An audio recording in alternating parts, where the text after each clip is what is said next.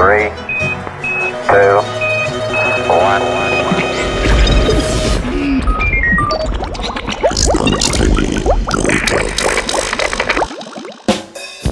Nogomet je kompliciran.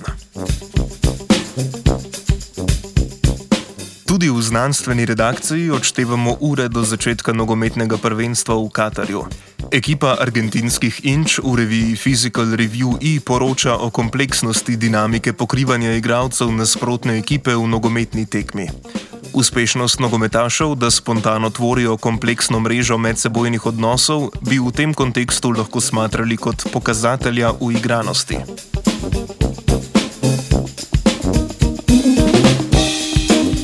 Kompleksnost pogosto razumemo kot lastnost sistema z veliko gradniki, ki presega lastnosti samih gradnikov. Kompleksna dinamika se lahko kaže kot prisotnost povratnih zank ali slavne samoorganizirane kritičnosti. Kompleksnost veliko krat izvira iz celote povezav med gradniki v sistemu.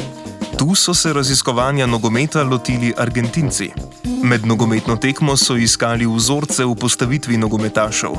V preteklosti so že preučevali vzorce v sodelovanju soigralcev iste ekipe, tu pa so se osredotočili na pokrivanje. Kot povezavo so tako jemali le razmerje med igralcema nasprotnih ekip, če sta si bila v določenem trenutku dovolj blizu.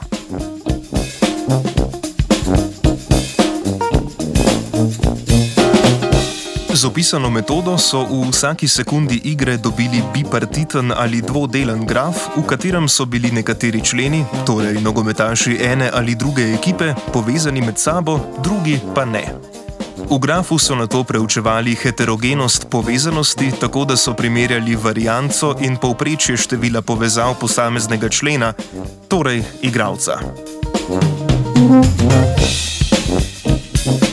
Večino igre so bila v grafu prisotna omrežja nogometašev z le nekaj igralci, v dobro koordinirani akciji pa so povezave stekle med skoraj vsemi prisotnimi na igrišču. Kako pogosto se to zgodi in kako velika postanejo omrežja, so lahko opisali le s potenčnimi zakoni, kar nakazuje kritično obnašanje, pa čeprav v sistemu z zgolj 22 sestavnimi deli. Avtori izpostavljajo še podobnost s pojavom perkolacije, ki predstavlja fraktalno mejo med zgolj lokalnimi grozdi povezav in skupkom povezav, ki prekrije celoten graf.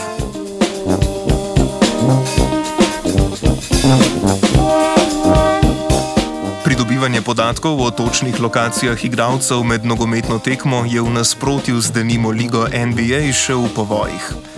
Kljub temu so se pojavila podjetja, ki nudijo te podatke, pridobljene s strojnim učenjem iz uradnih prenosov. Eno izmed podjetij se je odločilo svojo analizo treh tekem ponuditi kot zastonski vzorec, kar so spretno izrabili avtori raziskave. Kljub temu, da gre za majhen vzorec tekem, vsebuje na tisoče vzorcev omrežja pokrivanja. Poleg tega so vsa opažanja lahko poustvarili na preprostem umetnem modelu nogometne igre.